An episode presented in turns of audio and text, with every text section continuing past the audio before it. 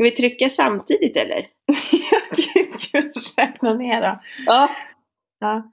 Tre, två, ett, noll.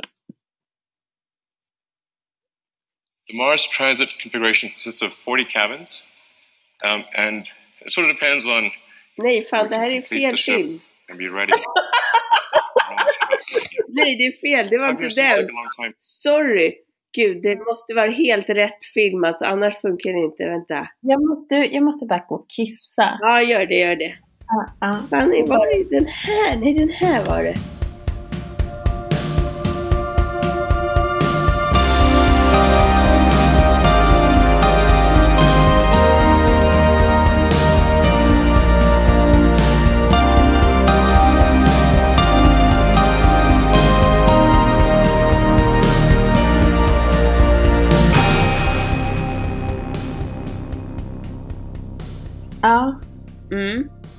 Nu gör vi det. Nu gör vi det. Ja, Du är i Göteborg. jag är i Göteborg. Sitter i karantän. Nej, jag skojar. Inte än. Jag är hemma i alla fall och jobbar. Ja. Du Jag är på Ingarö. på Ingarö. Mm. Mm. Hur mår du? Du har varit sjuk. Ja, jag har varit det sjukaste jag kan minnas faktiskt. Varit väldigt svag har jag varit och legat på min rygg helt still bara. Just det. Men jag har också fått ehm, fyra stycken lamm och jag har stoppat en äggkläckningsmaskin full med ägg. Mm. Jag har börjat odla djur här nu. Mm. Just det. Det har hänt ganska mycket sen, sen sist vi pratades vid din bil. Alltså kollapsen blev ju plötsligt eh, synlig.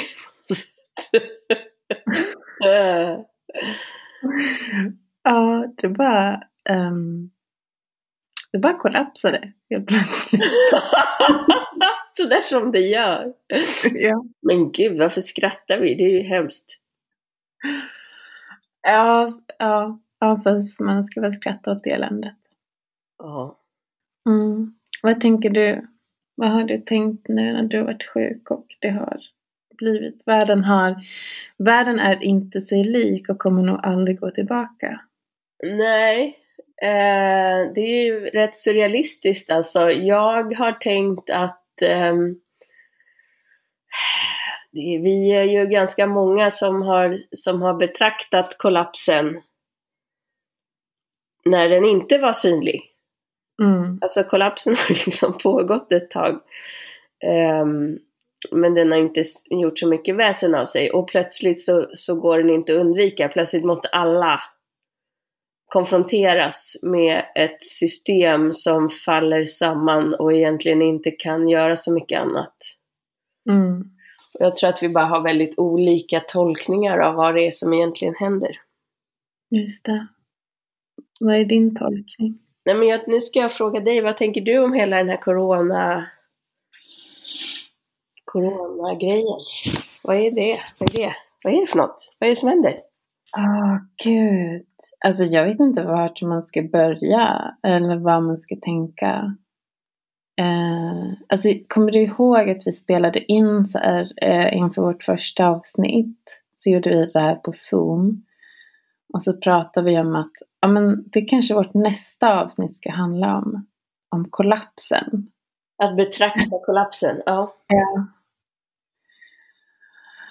Är vi lite synska kanske? Mm. Eh, nej men det har ju verkligen varit väldigt eh, fascinerande och eh, och se vad som hur människor reagerar. Ja, Jag vet inte, det finns ju väldigt många så nivåer man skulle kunna prata liksom utifrån. Men det och det beror på vad vi vågar säga. Ja. Våra konspirationsteorier. Ja. ja. Men vad ska de göra då? Ja, Vad ska de göra?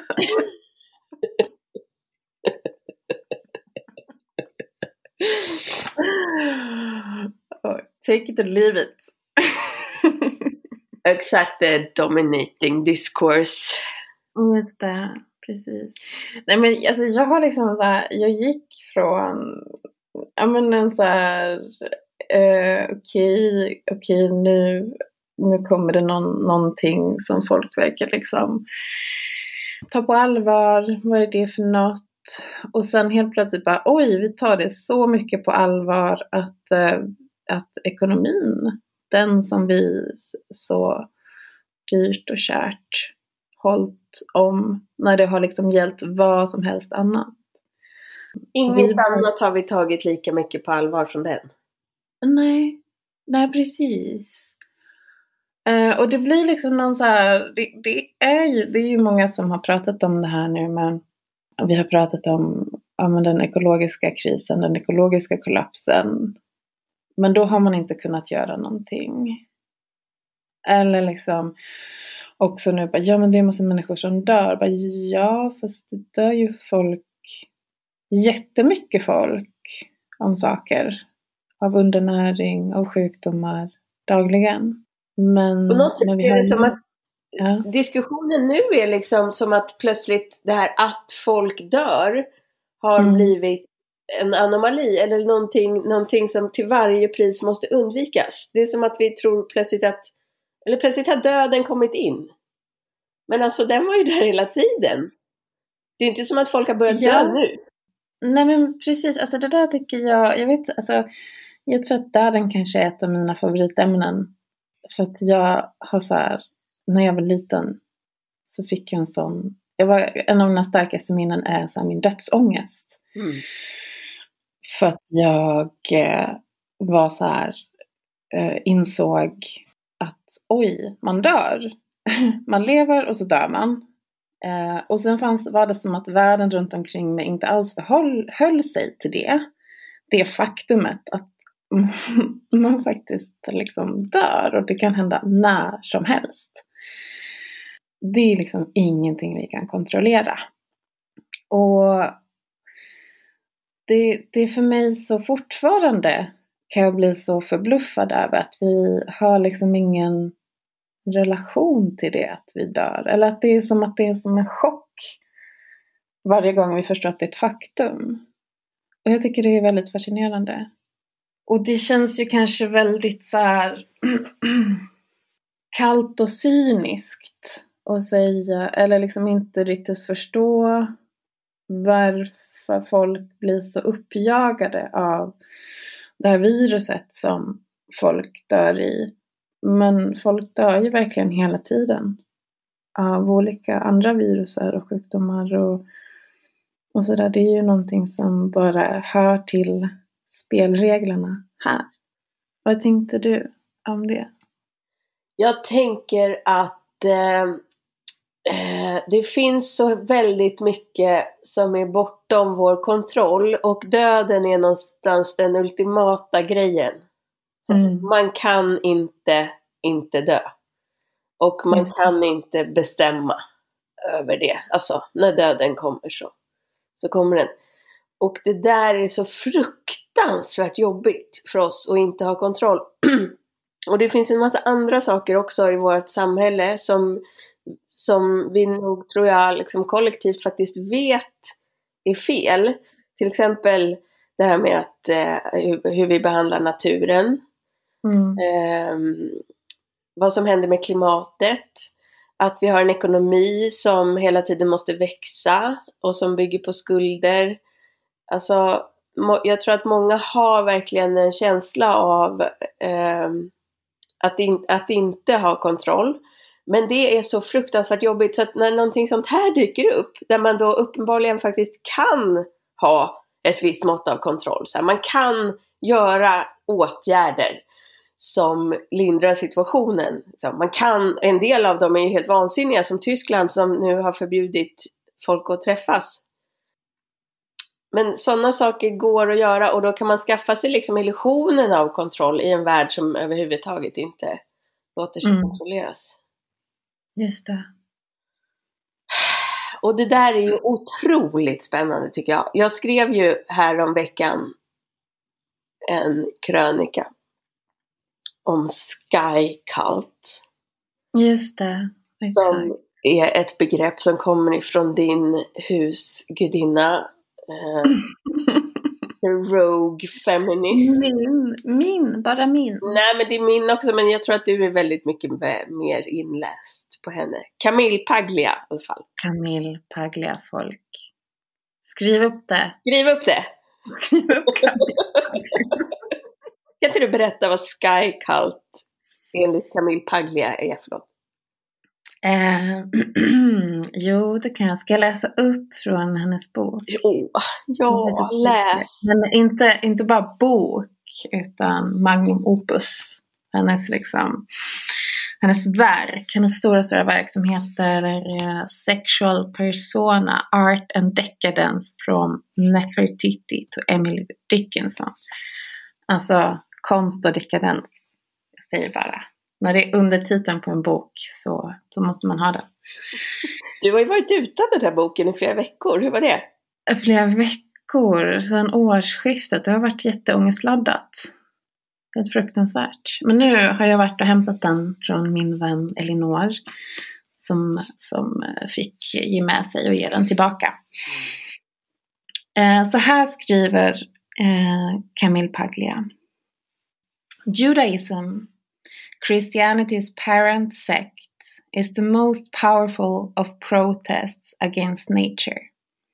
The Old Testament asserts that a Father God made nature and that differentiation into objects and gender was after the fact of his maleness.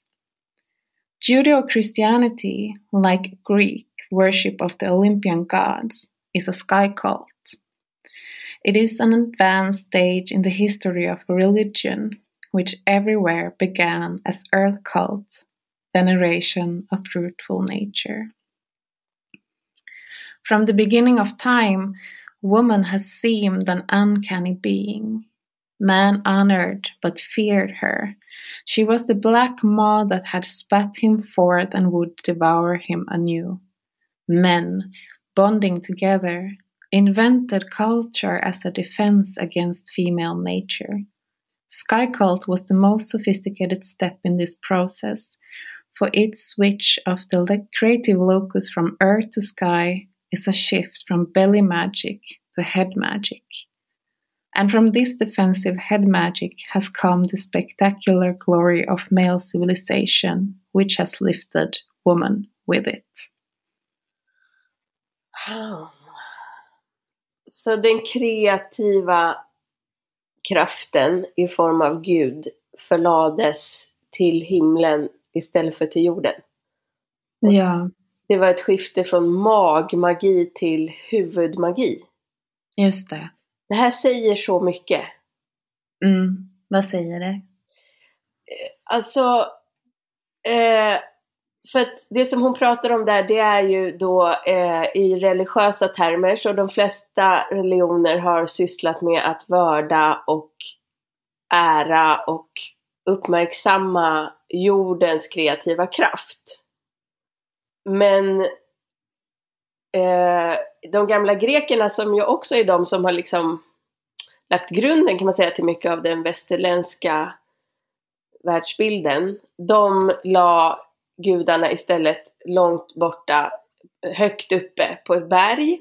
Och sen så kom juden, eller den jude och kristna världsbilden och lag, förlag Gud i himlen. Alltså någon annanstans än på jorden. Um, men det där är bara grunden tänker jag. För att på något sätt så utspelar sig Sky Cult fortfarande väldigt mycket i kärnan av vårt sätt att vara i den här kulturen. Att vi liksom... Eh, och, och det här finns ju en, en könsaspekt på det här som är så otroligt intressant men som man kanske nästan inte ens kan prata om liksom. För jag vet inte hur man ska kunna bevisa det.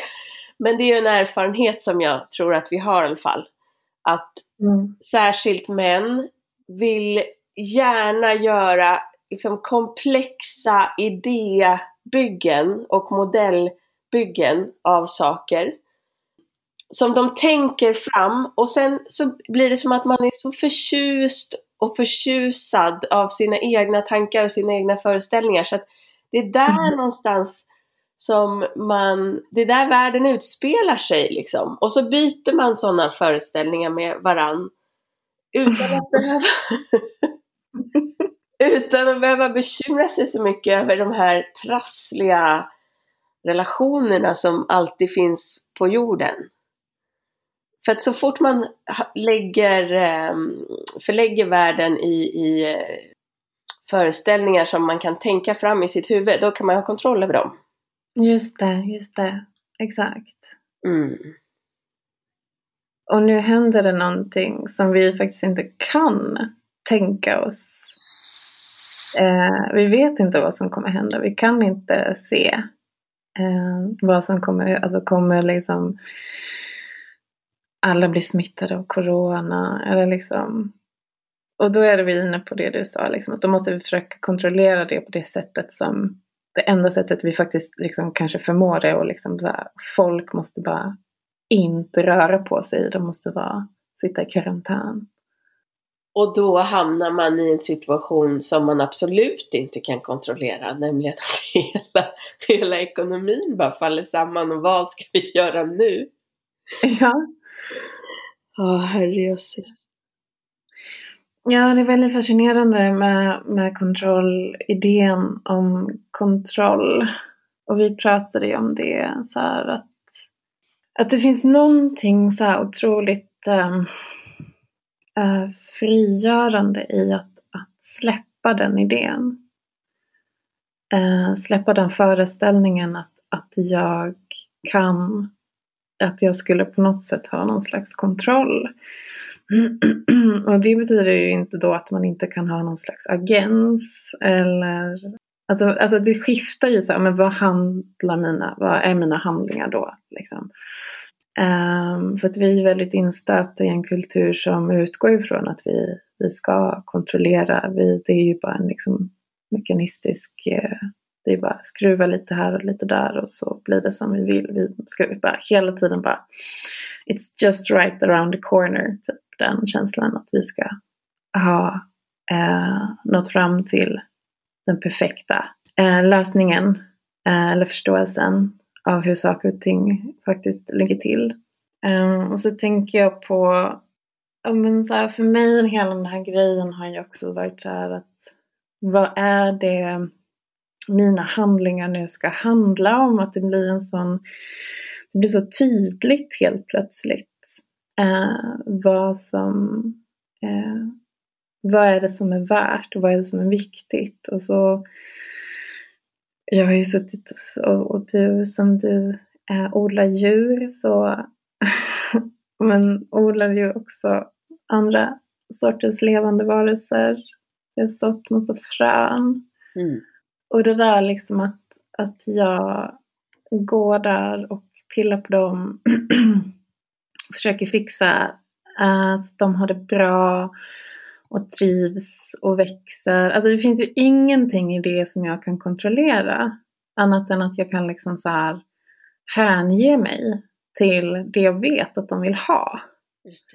Och så tjänar de. Så att de ska bli stora och växa och eh, få det de vill. Så att jag kan ta del av, av det. Och att det blir mer som att det är så tydligt att, att det vi gör är ju en slags tjänande Ja. eh, av någonting vi vill odla fram. Eh, någonting som vi vill se. Och vi, men vi kan inte, jag kan ju inte bestämma. Igår så blåste det jättemycket och så blåste de omkull alla bebisarna i, i mitt lilla växthus.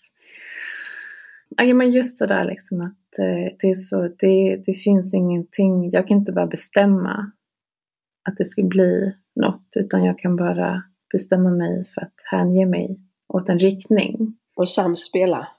Mm, exakt, samspela, precis, vara i relation.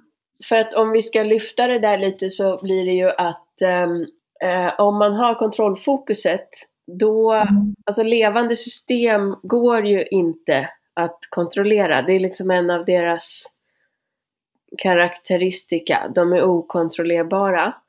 Och då måste man döda dem för att man ska kunna kontrollera dem. Just det. Och det är det vi gör, det är det vi gör systematiskt. Mm. Alltså, inte minst när det gäller att odla djur och växter så tar vi ju död på de systemen där vi odlar djur och växter. Kan man säga. Vi gör dem mer och mer livlösa. Mer och mer industrialiserade. För det måste man om man ska ha kontrollen. Och det kan man ju bara hålla på med ett tag liksom. Och man kan bara hålla på med det när man har tillgång till väldigt mycket energi som man kan föra in, som vi har gjort nu då i hundra år. Och det är väl det som är det intressanta, att vi måste släppa det nu. Inte för att, kanske inte för att vi ser konsekvenserna, för det verkar vi vara oförmögna att göra, utan för att vi faktiskt tvingas till att göra det. Eftersom den där fossila energin inte längre är lika tillgänglig. Mm. Att det, vi är ju väl många som har väntat på, en del längre än andra, på att det skulle visa sig liksom. Och nu verkar det vara coronan som är den svarta svanen som gör att vi, ja, att det blir tydligt. Och det är väl härligt i så fall, om, om det är någonting väldigt, väldigt destruktivt som vi måste förr eller senare lämna för att, för att, det, inte, för att det är ohållbart, liksom, för att det inte kan fortsätta.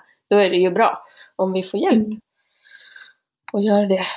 Och jag tänker att, men det jag tänker på är att människor blir väldigt rädda. Ja, det är det läskigaste ju. Är du rädd? Nej, jag är inte rädd. Ehm, jag har ju jag har ju övat ganska länge. Just det. Och jag tänker att det är det som är grejen nu med omställare. Att vi har övat ganska länge på att se det här djupa, djupa. ehm, Vad menar du med att du har övat? Vad betyder det? att jag har ehm, Ja, det är en bra fråga. Jag, jag har liksom tagit in konsekvens, alltså så mycket som man nu kan det med sin begränsade kapacitet som man har. Men, Din lilla, lilla kvinnohjärna. ja, men inte bara min lilla kvinnohjärna för att jag har ju tagit in den här situationen som vi befinner oss i liksom. Omställningens tid, peak everything, eh, vad man nu vill kalla det, tillväxtens slut. Den har jag ju ägnat tio år åt att bearbeta och inte bara kognitivt utan faktiskt även känslomässigt. Mm, Alltså jag har redan varit i den där rädslan många gånger. just det. Och jag tänker att det är det som omställare, det kanske är våran gåva, att vi kan stå lite stadigt och se vad som händer på ett annat plan och inte ryckas med i vare sig rubriker kring vad som verkar hända med coronan och så. Eh, Mm. Och också inte i all den rädsla som föds nu, utan att vi kan ja, se bortom det liksom. Ja, det, det är ju liksom det, det valet man har. Alltså i, i de här kontrasternas tid så blir det så tydligt vad det finns att välja mellan. Tillit eller hopplöshet. Ja. Och, och det är väl också så här, vad är det man, vad är det vi ska, vad är det vi ska tro på nu? När systemet som vi har liksom byggt våra liv kring, ja den höll ju inte. Och det kräver ju någonting av oss. Den kräver en, en, en, en rannsakan på vad är, det, vad är det som är viktigt. Och det, det är det här, jag tycker det är så himla himla spännande. Vad är det som är viktigt? För att det är som att när man har försökt påtala det innan i, det, i, i den förra världen. Är det, är det, kan vi säga att det var, det finns en förra värld? En, är det en ny värld nu?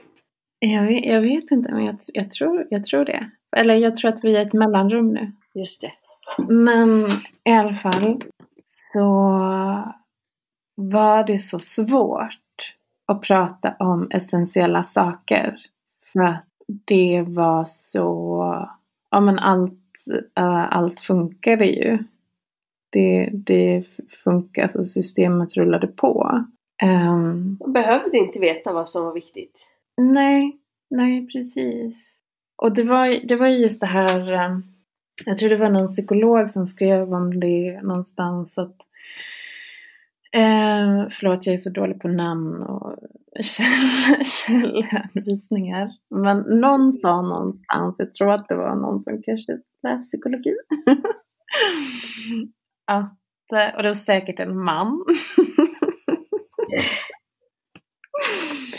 att, att nu när vi liksom blir så begränsade så kan vi förstå njutningen i, i de små sakerna.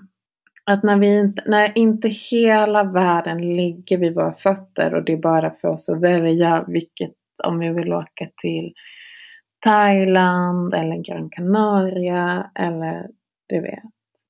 Utan nu är det nästan frågan så här, hur länge är det möjligt att ens få gå till kvarterskrogen och ta en öl med sina kompisar?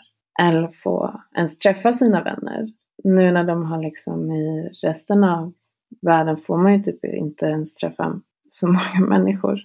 Medan i Sverige är vi fortfarande ganska generösa på det. Och då ser man helt plötsligt hur viktigt alla de här sakerna som har varit så för jag har liksom blivit, varit tagna för givet. Tror du att det innebär att vi får en, en eh, Eh, starkare relation till våra begär? Jag tror att det blir mycket mer tydligt vad det är vi begär. Och i att förstå vad, vad begären är. Vad är det som är liksom de viktiga? Men, men ja, alltså jag, jag tänker liksom att det kan vara lite olika. Men att förstå så här, men det är det här jag behöver. Jag, jag behöver ju liksom närhet, jag behöver mina sociala sammanhang. Gud, de är så himla viktiga. Men att om man är väldigt, väldigt fäst vid att kunna liksom få göra precis som man vill. Och eh, alltså det kräver, det här är en tid av uppoffringar. Och med uppoffringar så kan vi förstå vad som är verkligt värt. Vi är ju ganska förtjusta i uppoffringar du och jag. Ja, fast du var inte det från början. Nej, men jag har förstått nu. alltså, eh, uppoffringar, ja men det är väl för att jag är så formad av miljörörelsen liksom. Och uppoffringar är ju någonting helt förbjudet. Det får man ju aldrig prata om. Ja, varför inte då? Tvärtom liksom. Nej, det ska inte vara uppoffring. Nej, Nej just det. Men uppoffring har jag förstått nu också med hjälp av eh, engelskan. Alltså, det är svårare på svenska med det ordet. Men på engelska mm. så heter det sacrifice. Och där mm. blir det så himla, himla tydligt tycker jag att det handlar om eh, det man ger till the sacred. Mm. Alltså det man ger till det heliga, till det hela, alltså till det som är större än jag. Att på uppoffringar, då, då kan man förstå sig som en del av någonting större. Utan uppoffringar så kan man inte det. Så att det är med uppoffringarna som man förstår att man är en del av, av någonting större, av världen egentligen. Jag tycker det är otroligt ja. vackert.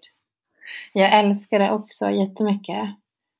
Och, och just att liksom att offra upp, alltså upp, alltså jag tänker på The sky. Ja, det är ju ett sky cultic begrepp. Men jag tänker på de högre värderingarna. Det högre syftet. Det större. Det som är mer än jag. Men ja, du, precis. Vill, du vill ju ändå gå uppåt, det är ju det. Jag vill ju hellre gå neråt. mm. Mm. Men du? Men det är både och. Alltså grejen är ju att det, det handlar inte om att dissa, alltså att säga skycult suger. Nej, men eller hur? Balans. Alltså det, kulturer som har kunnat liksom balansera båda ja. är ju de mest intressanta.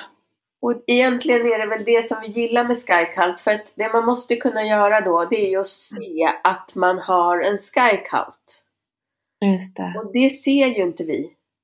Och när man är i det men inte ser det, då, då går det ju inte, då, får, då blir det ju ingen balans alls. Nej. Då kan man bara dra iväg liksom. Ja. Vad, vad begär du i coronans tid? Eh, just nu begär jag mest mitt luktsinne faktiskt. Det är det som är så, så fint med att, liksom, att saker tas ifrån en. Att plötsligt det blir bara, bara det där att man ibland kan känna lite lukt. Det är ju underbart. ja, vad begär jag? Alltså, åh, men jag begär ju framförallt det här att fler får upp ögonen för den totala ohållbarheten i vårt samhällssystem och börjar på ett djupare plan liksom verka för någonting som är som är vackert och som är värdigt och som är hälsosamt och sådär. Mm. Um, och jag, vi har ju pratat om det också, den här det, det som är så svårt, som, som man blir förundrad över hur svårt det är det här att eh, ja, vi, vi kan se vad som inte funkar och vi kan liksom analysera det och dekonstruera det och försöka förstå vad det är som är fel. Men att gå bortom det och säga okej, okay, hur skulle det se ut det samhälle som vi skulle kunna bygga som faktiskt är ett hälsosamt samhälle i, där vi kan leva i harmoni med varandra och med allt som lever. Det är ju någonting som, som är, och det här har tagit mig tio år att fatta, hur svårt det är att faktiskt, um, och vilken act of courage liksom, vilken, uh, vilket mod som krävs av den som försöker göra en sån skapelse som försöker skapa en bild av någonting som inte är och säga hörni ska vi gå hit? Vi mm. vet mm. inte riktigt hur det ser ut där men vi tror det, det måste vara vackrare än vad det är nu. Mm. Och det där är ju någon slags, eh, ja jag hittar inte det på så många andra håll än i omställningsrörelsen. Ja men det är ju svårt, alltså det blir ju liksom vad är det man förför folk med? Då blir det ju snarare sammanhanget, tänker jag. Vilket sammanhang? Sammanhanget man skapar när man bjuder in. Alltså vem är du till att bjuda in? Vem, alltså det blir viktigare vem som bjuder in i det läget. Och det, eller det är väl ofta det, att vem är det som är... Du, pratar du nu om det här med festen och bjuda in till mera fest än protest? Är det det? Ja, ja men precis. Kanske. ja, men jag tänker så här att vi pratar väldigt mycket så här om en hur är det man får till förändring? Och, och, och att hur otroligt osexigt det är med massa siffror och data och liksom andel eh, partiklar av ditt och datt i, i atmosfären och så.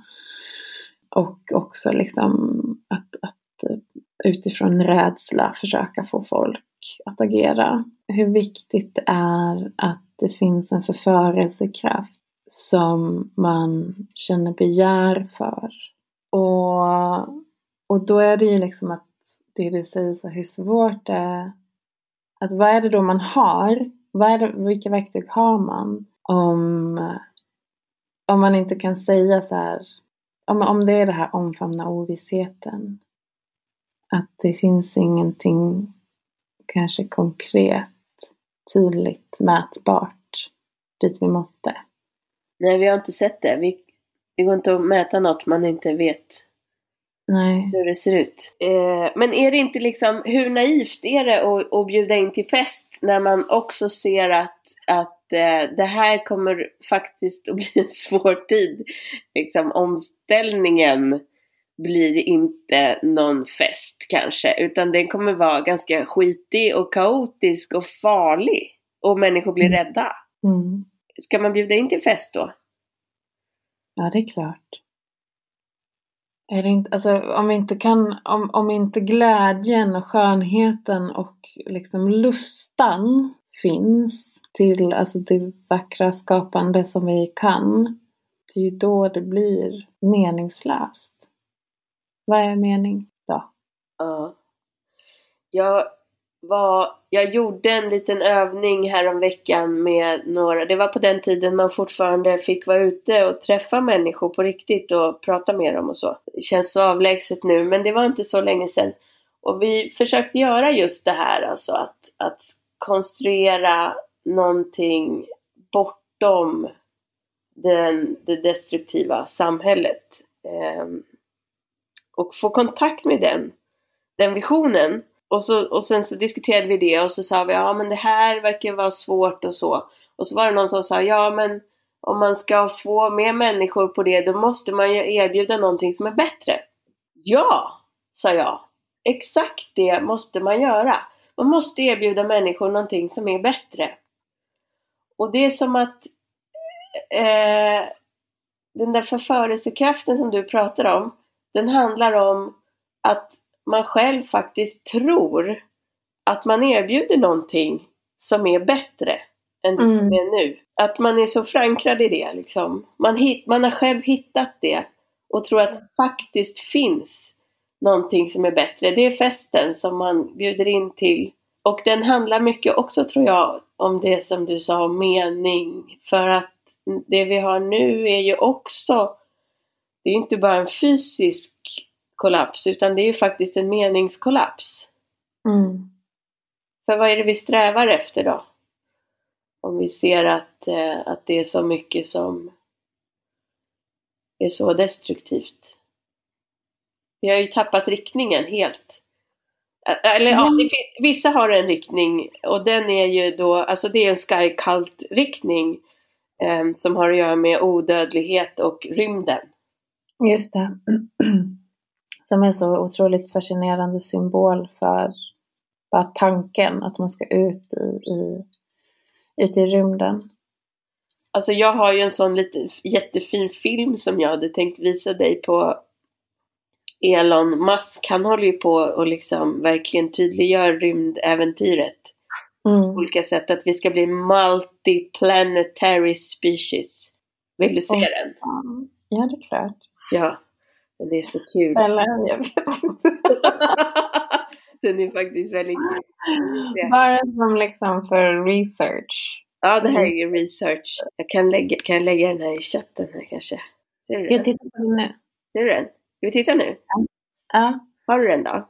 Ja, jag har den. Det är The Guardian som har delat här på en, eh, hans uppdatering på SpaceX. Okej, okay, nu tycker jag. Mm, bra.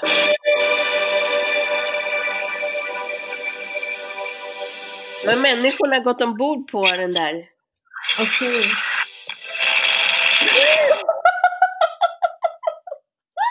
Gud vilket ljud alltså. Vi måste köra utan ljud. Det är spermie som åker. Vad sa du? Det är som ett litet spermie. Det ser ut som en spermie. Tycker du? När den skjuter ja. upp där? Ja. Ser det inte ut som en jättelik penis? Som far iväg bara. Den är jätte, jätteliten. Tycker du? Nej, den är jättetung. Den ser precis ut som en penis. Och det roliga är att, vet du vad? Sen kan en bit av den där åka tillbaka till jorden och så får den en ny del. Ja.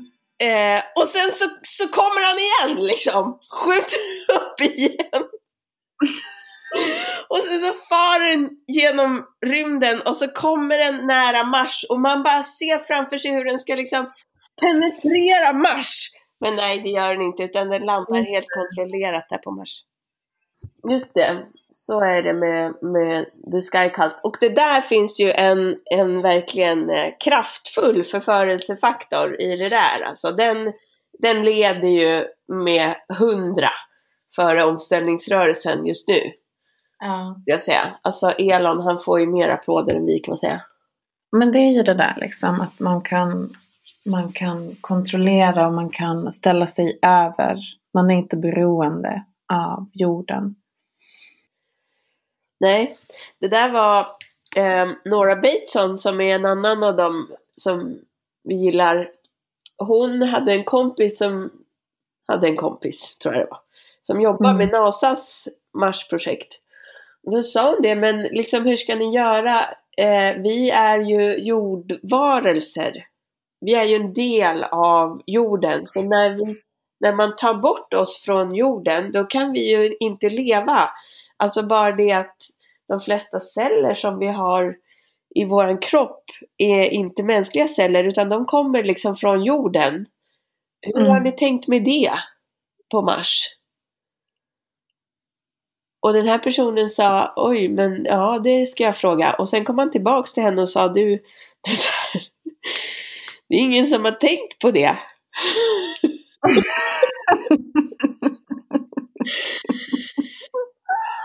Eh, och Alltså så jävla CP. Alltså jag fattar. Alltså det...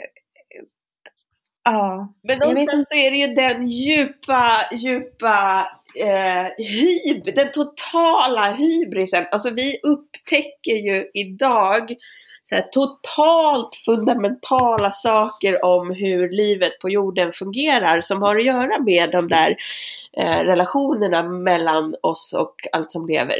Eh, Mm. Det här med hur, hur en skog fungerar. Att skogen är inte en samling träd liksom, utan den fungerar som en organism där energi och material flödar genom hela skogen eh, mellan olika organismgrupper och sådär. Eh, det är liksom helt ny kunskap För oss ja. för oss. För oss Ja. i Sky Cult. Och så tror Ja, i Skycult ja. Ja, ja, ja. Ja, precis. Men så tror Vi vi... är liksom så här common sense. Ja, jo, jo visst. Som de flesta andra kulturerna. Okej, Ja. grattis. Så lillebror, vi bara We got this! Vi kan bygga en helt ny värld på en annan planet där vi inte ens kan andas. Eh, för vi kan, vi har full kontroll. De andra bara ehm, Yeah right. Ja, eh, ja, ja, men det är en fullständig förakt. Alltså det som Paglia skriver om, liksom att det är någon fullständig förakt och frigörelseprocess Exakt, på exakt. jorden. Det är det Sky Cult är tror jag. Det är liksom den djupa ångesten i att vara beroende. Ja, Som gör att man så mycket måste betona frihet. ja precis. Och, att, och, och liksom ens, ens eh, illusion om kontroll. Och önskan om att liksom härska. Hon skrev, Eh. Camille Paglia, hon skrev att det var en, eh, en advanced form of religion. Men egentligen så är det ju en tonårsfas, tänker jag. Liksom, det är något ganska juvenilt över det sättet att förhålla sig till världen. Mm. Att man väljer pappa istället för mamma. Ja, just det. Precis. Mm. Ja. Och så är man väldigt fokuserad på att växa. Just det. Mm. Det är fascinerande att tänka så faktiskt. Men det var faktiskt, eh, nu har inte jag läst det, men jag såg att uh, Slavoj Zizek skulle ha skrivit en artikel om, om att det, här, det finns, att, eh, att världen är, att vi har lämnat en värld. Och det nya normala kommer inte vara det normala som vi är vana vid. Nej. Det finns inget normalt att gå tillbaka till. Det finns inga... Så vad, vad, vad tänker du när du hör så här, ja men nu, vi måste tänka att snart kommer vi få igång hjulen igen. Nu måste vi få igång hjulen och snurra igen. Ja men det är som en, eh, en kultur som är, vad heter sådana som eh, vill ligga med, med lik? Nekrofi, nekrofil. Jag nekrofil kultur. Så här. Vi har det här liket. De har dött i decennier. Men vi liksom så här, ja, men liksom så här, rycker på den och så här, liksom petar på den Håller för näsan. Ja, så, här. så kan vi låtsas som att ingenting har hänt. Och man vet åtminstone vad man har än. Ja, precis. Det är något som liksom bara ruttnar iväg, liksom bara ruttnar inifrån och liksom bara kollapsar inåt. Lite så, lite så, sådana tankar får jag när jag hör.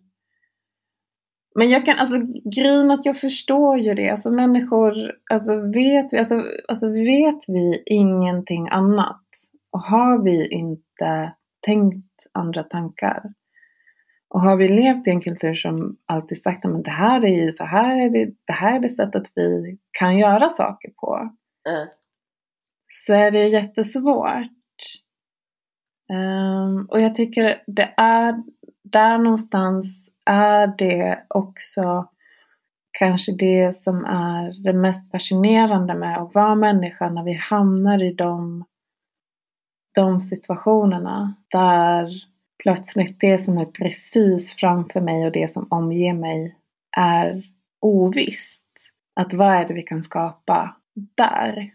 Vad är det jag kan förstå av mig själv i de stunderna? Att det finns en enorm, enormt potential i det.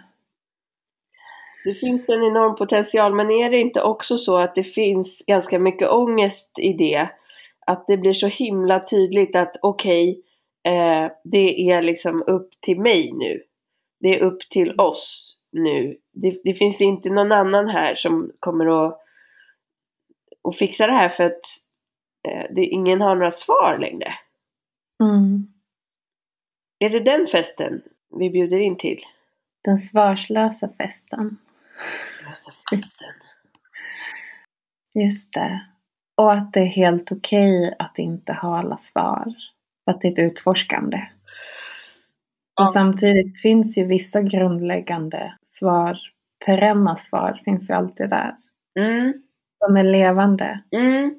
Just det, och då tänker jag på um, igen då med Sky Cult så fokuserar vi väldigt mycket på så här, ja, det finns vissa finns materia och det finns naturlagar som styr hur den där materian beter sig och framförallt termodynamikens lagar finns som säger att eh, allting hela tiden går mot ökad oordning, alltså sönderfall.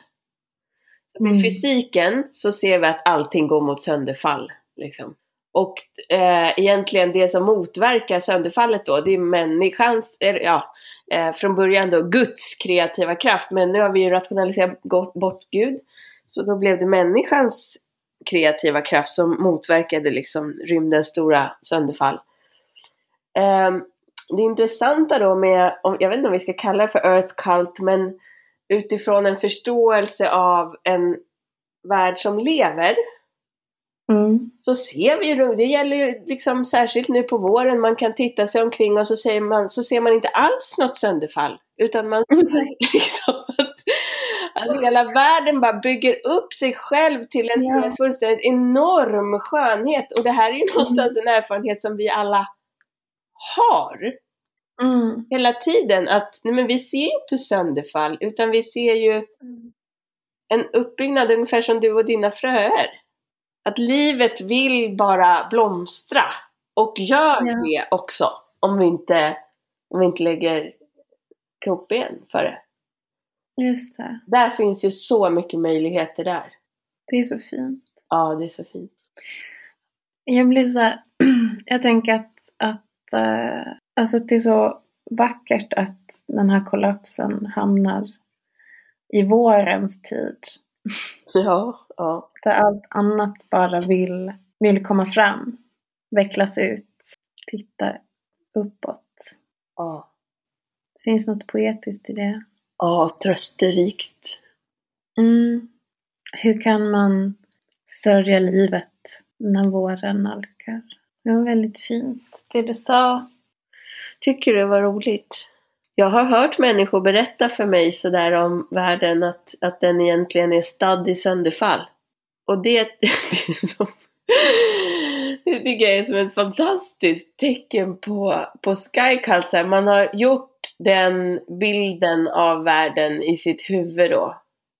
Just det. Och så tror man mer på den än det man faktiskt ser framför sig. Är inte det liksom någon slags psykisk sjukdom? jo. jo. Ja, jo, alltså det är ju många som har ställt diagnos på den här kulturen. på riktigt. Det är lätt att bli cynisk. Men uh, man får komma ihåg att bli transcynisk istället. Ja. Ska vi introducera det begreppet nu? Fan, vi har inte, jag trodde vi skulle introducera transrationaliteten förresten. Det hade ju passat nu med skyculten. Just det. Just det. Ska vi ta transrationalitet istället? Ska vi säga något om det? Ja, jag kan säga något om rationaliteten så säger du om transrationaliteten. Skycult har ju varit väldigt upptagen med att särskilja människan då från, från jorden egentligen, från allt annat levande, så från början som Guds avbild och så. Och, det har gjort att vi har just hållit rationaliteten oerhört högt, eller vi gör det, vi håller rationalitet i liksom det högsta. Det mest eftersträvansvärda, det är det som skiljer människan från djuren och de andra, det är liksom vår stora förmåga till att tänka rationellt. Och det tänker jag är också någonting som verkligen karaktäriserar Skycult. Alltså att man har som ett fokus på det rationella tänkandet. Eh, och som egentligen är också sanerat ifrån de här värdena som du pratar om. Alltså att man måste mm. ha en, en idé om vad som är viktigt och att den idén ger en riktning. Men rationaliteten vill ju gärna göra sig av med sådana värderingar och istället liksom skapa en, en, en, rationell modell som ger riktningen. Men det kan den ju aldrig göra. Det är spännande med när vi döpte våran podd och gav den den här underrubriken Transrationalitet i galna tider. Mm. Eh, på något sätt så har det ju tiden har ju hunnit ikapp där. Den har ju liksom blivit Alltså vi tyckte ju att den var galen förut men nu kanske den även fler tycker att den är galen. Gud ja. ja. Mm. Men varför kan inte du säga någonting igen om varför man måste gå bortom rationaliteten? För det är inte som att vi dissar rationaliteten. Nej men precis, men att um, det finns någonting också bortanför rationalitet som att man kan inte bara ha en... Eh, jag kan liksom förstå det här rationella tänket att, att man vill inte vara eh, korrupt av sentimentala, ja men någon slags sentimentalitet inför världen och att det finns någonting, att med, med tanken, det rationella tänkandet kan man liksom styra sig själv ifrån det där. Men men att man kan inte fastna i det utan det finns ju någonting i oss som också som är mycket, mycket mer än, än eh, förmågan att kunna tänka, förmågan att kunna liksom rationalisera. Alltså vi kan ju inte rationalisera i, i, i våra förhållanden. Det är inte med, med, med det sättet att förhålla oss, med ett rationellt sätt att förhålla oss i förhållanden som det blir någonting, det blir inte spännande. Mm. Vad är det som berör oss? Liksom? Eh, även om vi kan så här, förstå att vad är det som händer när, när solen går ner. Men vi blir ändå berörda av den skönheten. Även om vi kan så här, räkna ut så här, varför, varför sker det där. Liksom. Och vad är det då, vad är den där kapaciteten av att förundras och bli berörd in på djupet. Det är ju någonting som rationaliteten inte kan nå till. Den, det, det är någonting som vi måste lämna vid, vid dörren till förundran. Mm. Och eh, där kommer transrationalitet in. Mm. Så tänker jag. det är mycket, mycket givande. Och det här är någonting som man, alltså att förstå världen med ett matematiskt språk är ett sätt, men att förstå världen med ett poetiskt språk är någonting, någonting annat och någonting otroligt eh, berörande och ja, någonting som verkligen kan ge oss verkligen en, en fantastisk mening om vi tränar på det. Om rationaliteten är det enda vi har så är vi fattiga. Ja, ja precis. Och den har svårt att ta oss någonstans också. Ja, den där liksom inte... Det är inte det som rör. Alltså att bli berörd är ju någonting transrationellt. Ja. Och att förföras, bli förförd. Ja. Man kan säga att vi går in i transrationalitetens tid till och med här. Mm. För att det har inte vi pratat om nu. Vad, vad, Okej, om vi ser liksom bristerna med Sky Cult, att den har gjort sitt lite. Ja. Var, vart, var är, vart ska vi nu? Vart du och jag vill. Ja. Eller vad vi har för spaning. Nej, eh, om, om ska vi ligga fortfarande med liket eller? ex, ja, men om vi inte vill det längre. Om, det, Ja. vi börjar, om jag får tillbaka mitt luktsinne och känner nej vad fan det här är liksom inte, jag får ingen begär. Vart ska vi då? Jag tänker på någonting som jag längtar efter och som jag har sett nu är ju den här, så här, en, verkligen en, en, en känsla, en längtan och en känsla av liksom samhällelig gemenskap. Helt plötsligt är det så mycket lättare att prata med människor. Alltså människor på stan, människor som möter på bussen, kassabiträdet, alla liksom man, man kan se människor i ögonen på ett helt annat sätt. Det, det är som att vi har vaknat till någonting. Ehm, att vi är här tillsammans i det här. Att höra hemma i världen. Ja, och i, i, i gemenskapen med det levande. Ja, just det. Eh, precis. Att, eh, ja, att hitta hem i, i beroendet igen, tänker jag. Och vila i det. Jag tror att, du vet innan, i den förra världen så kunde jag vara så otroligt misantropisk. Ja. Men den här tiden har jag liksom bara känt så starkt att gud vad, gud vad jag tycker om människorna. Ja. Ja, det sin enkelhet och skruttighet. och de kämpar på liksom. Ja. Du, Mm. Jag tänker att vi inte- nu när vi har verkligen eh, hållit på och gre- grejat mycket med Sky Cult här.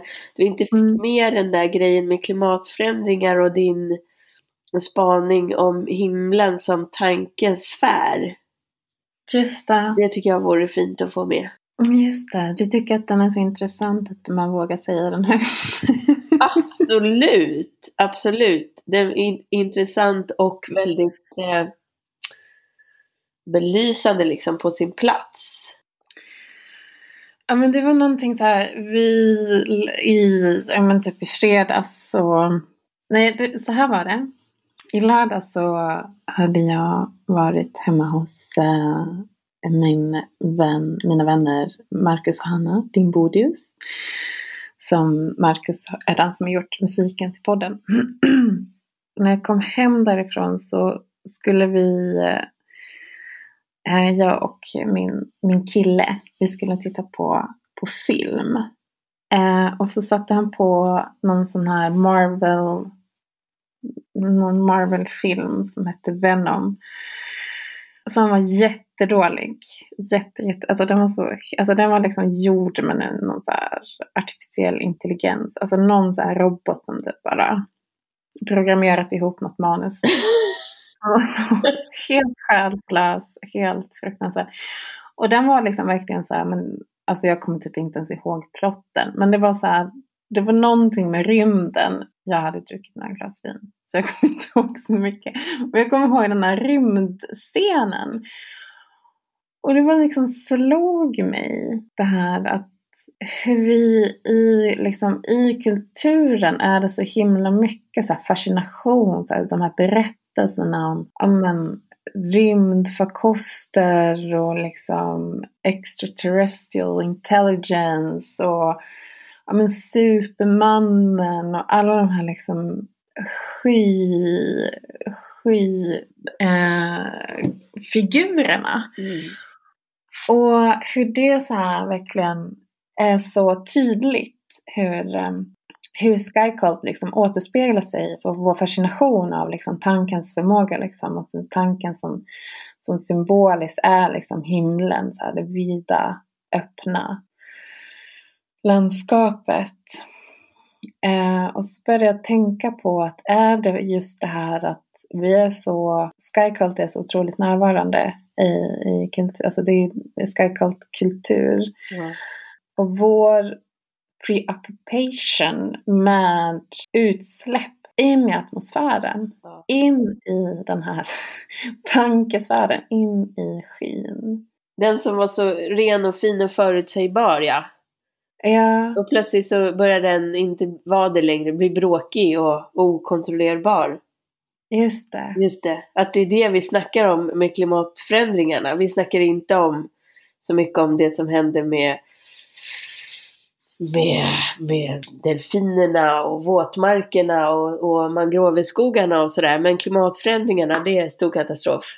Ja, och det är så också lätt kontrollerat ju. Det, då måste man räkna molekyler mest. Just det. Det är mätbart. Mycket mätbart. Väldigt mycket så här siffror. Ettor och tvåor. Och så. ppm, ton. Förkortningar. Ja, just det.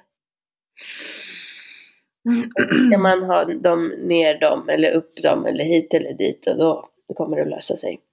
Ja, och så tänker jag lite på det här nu när vi pratar så här om Per och Erik, deras eh, podd eh, eh, Myter och mysterier, där de pratar om just det här med hur eh, koldioxidutsläpp, alltså det är ju det underjordiska Ja, som helt plötsligt släpps ut i, det, eh, i himlen. Ja Det överjordiska. visst. Och jag har ju faktiskt läst också eh, en ekofeministisk klassiker på nytt här, eh, Caroline Merchants Naturens död. Och jag fick en liten eh, uppenbarelse där faktiskt kring hur man har sett på det där som vi har gjort, att liksom ta oss ner i underjorden och gräva upp skatter där. Det har vi gjort väldigt mycket längre än vi började liksom gräva olja och kol och så. Det var mest metaller och sånt i början, men det är ju hundratals eller tusentals år vi har sysslat med sånt. Och att det har, det var väldigt länge någonting ganska förbjudet. Alltså, ja, man, man fick ta av det som Moder Jord gav till människan eh, från jorden, liksom från ytan. Mm. Det, det fick man göra. Men att gå ner in i Moder Jord och ta av det som fanns där, det var en helt annan sak Just det. eh, som har varit omgärdad med alla möjliga föreställningar, ceremonier och ritualer och sådär. De, de bergsmän som skulle göra det, de var liksom tvungna att vara eh, en viss, en viss eh, sorts människor som, som fick förbereda sig på olika sätt med gåvor, avhållsamhet och sånt där. Eh, alltså att det har verkligen varit en big deal Mm. att göra det. Som nu hela den här kulturen vilar på att vi fortsätter med. Ja, ja men precis hur vi utan att blinka typ kan spränga bort bergstoppar. Och gräva, inte, inte bara liksom under jorden utan faktiskt under havsbotten. Utan att tänka två gånger på vad det betyder. Ja men det är verkligen ingen, ingen relation. Det är verkligen materia bara. Ja, precis. Som inte, men som du sa, som man behöver döda i idén för att kunna exploatera det på det sättet. Gud vad spännande att vi hamnade, att, att Sky Cult innebar att vi tycker att det är okej att liksom gå in i jorden. Att, att vi blandar. Resultatet av Sky Cult är då att vi börjar blanda underjorden med överjorden, med himlen. Mm. Är det dess liksom försök att, eh, hitta tillbaka? Just. Fast den har liksom gått så långt så att den har glömt bort vad vägen var. Just det, tänka sig.